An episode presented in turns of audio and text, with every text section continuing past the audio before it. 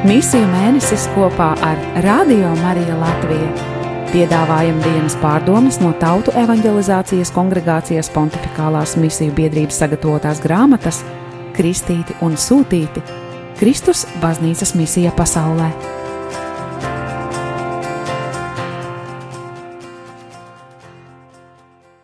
Divpadsmitais oktobris, sestdiena, parastā liturģiskā laika 27. nedēļa. Šodienas īsajā evaņģēlī lasījumā mēs dzirdam vārdu svētīts. Tas attiecas uz garīgās labsajūtas stāvokli, kad dvēselē tiek piedzīvots patiesas prieks, bet tas var tikt saprast arī kā attiecināts uz kaut ko, kas ir cienījams vai respektēts. Kas ir tie cilvēki, kas pelnījuši, lai viņus sauc par svētīgiem? Jēzus atbild ir skaidra un tieša.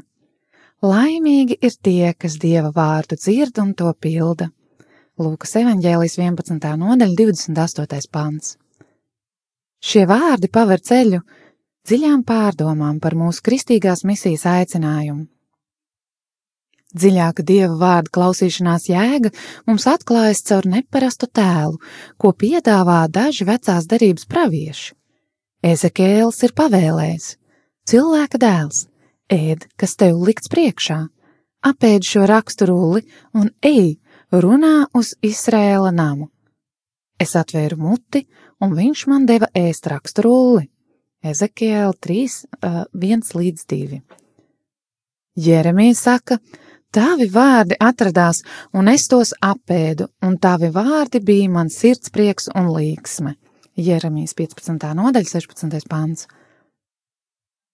Autentiska dievu vārdu klausīšanās nozīmē to ēst, meditēt par to, dzīvot tajā, ņemt to pie sirds, ļaujot tam iesakņoties mūsu sirdī, augt mūsu apziņā un izaicināt mūsu vērtības un attieksmi. Mūsu dzīve un dieva mīlestība ir savstarpēji saistītas. Tas prasa pastāvīgu atteikšanos dieva dēļ, kas nav nedz vienkāršs, nedz arī automātisks process. Dieva vārda pravietiskā ēšana attiec uz ēšanu evaharistijas svinībās. Jēzus brīdinājumu otrā daļā koncentrējos uz Dieva vārdiem esošanu dzīvē. Tas prasa stingru apņemšanos to īstenot praksē, ievērotā norādījums, Dieva mīlestību īstenot konkrētā darbībā, Dieva vēsti pārvērst ikdienas dzīvē. Lai arī šim uzdevumam ir personīga dimensija, tas ietver arī spēcīgas sociālās saistības. Kā mēs parādām, ka patiešām sadzirdējām Dieva vārdu un atbildējām ar ticību? Mēs varam iedvesmoties no svētā jēkaba, kurš saka: Es parādīšu tev savu ticību ar saviem darbiem. Jēkaba otrā nodaļa, 18. pāns. Piebilstot, un es parādīšu, ka esmu sadzirdējis Dieva vārdu. Pēdējā laikā pāvesti ir uzsvēruši, cik svarīgi ir integrēt dievu vārdu dzirdēšanu un tā pielietošanu praksē. Mums vienlaikus jābūt gan klausītājiem, gan darītājiem. Evangelizācija prasa gan kontemplāciju, gan konkrētu rīcību. Mums vajadzētu atcerēties izaicinājumu, ko pāvests Pāvils VI izvirsa apustuliskajā pamudinājumā Evangelija Nuciandī Mūsu tiem cilvēks labprāt uzklausa liecinieku nekā skolotāju. Bet, ja viņš klausās skolotāju, tas notiek tāpēc, ka viņš ir arī liecinieks. Rūpīgi jaunās derības izplēte atklāja, ka pirmais cilvēks, kurš saņem godu tikt sauktam par svētīto, nav neviens cits kā pati Marija.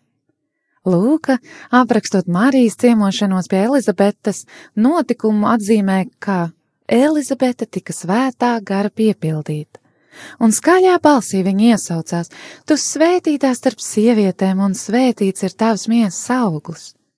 Laimīgi ir tā, kas ticējusi, ka piepildīsies tas, ko kungs viņai ir teicis. Marija ir svētīta tieši tāpēc, ka viņa tic. Viņa tic Dieva vārdam, kas tika pavēstīts caur eņģeli.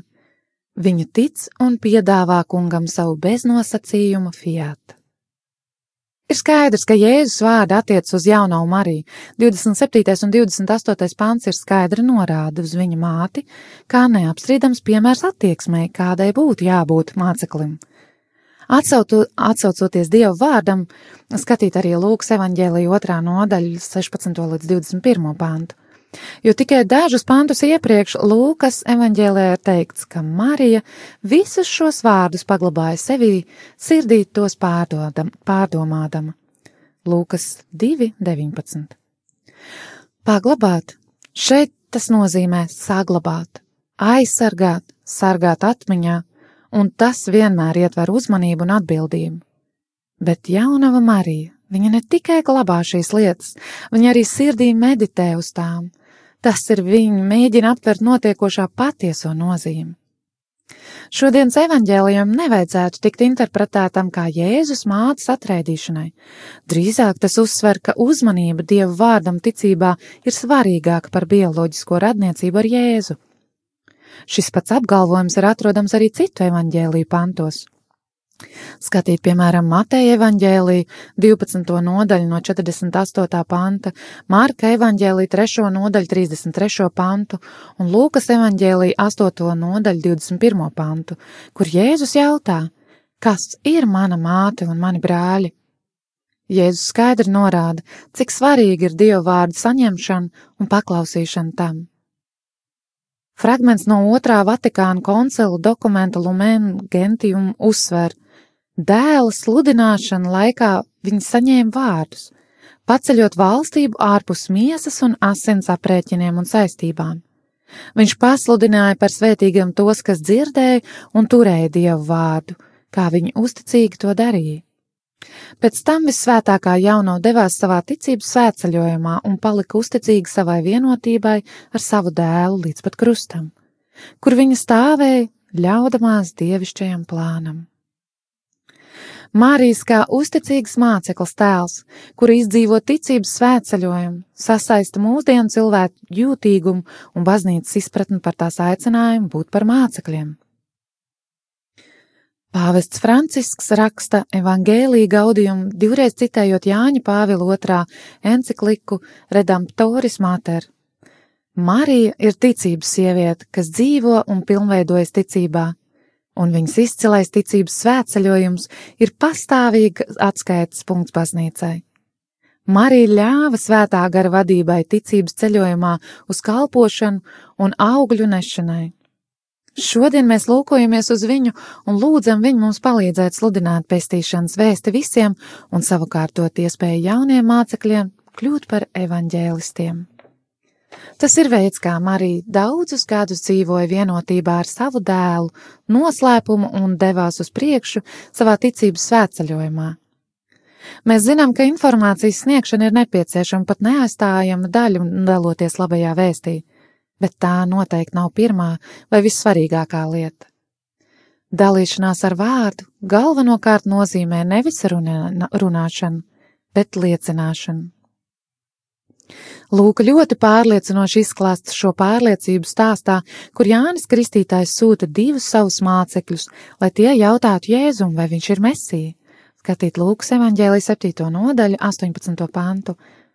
Tā vietā, lai sniegtu atbildi, Jēzus piedāvā neapgāžamus pierādījumus, norādot uz Dievu valstības nākšanas sekām. Pēc šī jautājuma evaņģēlijā tiek teikts: Tobrīd Jēzus daudzus cietināja no slimībām, kaitēm un ļauniem gariem, un daudziem akliem dāvāja redzi. Lūkas evanģēlijas 7. nodaļa 21. pāns. Jēzus Kristus atnestās labās vēsts, dziļais labums nav tajā līmenī, ko var saukt par teorētisku, bet gan tās eksistenciālajās konsekvencēs. Tātad vārdam vajag mācekļus, kuri tāpat kā vissvētākā jaunava, vēlas tos klausīties ar atvērtību un dzīvot ar dāsnumu.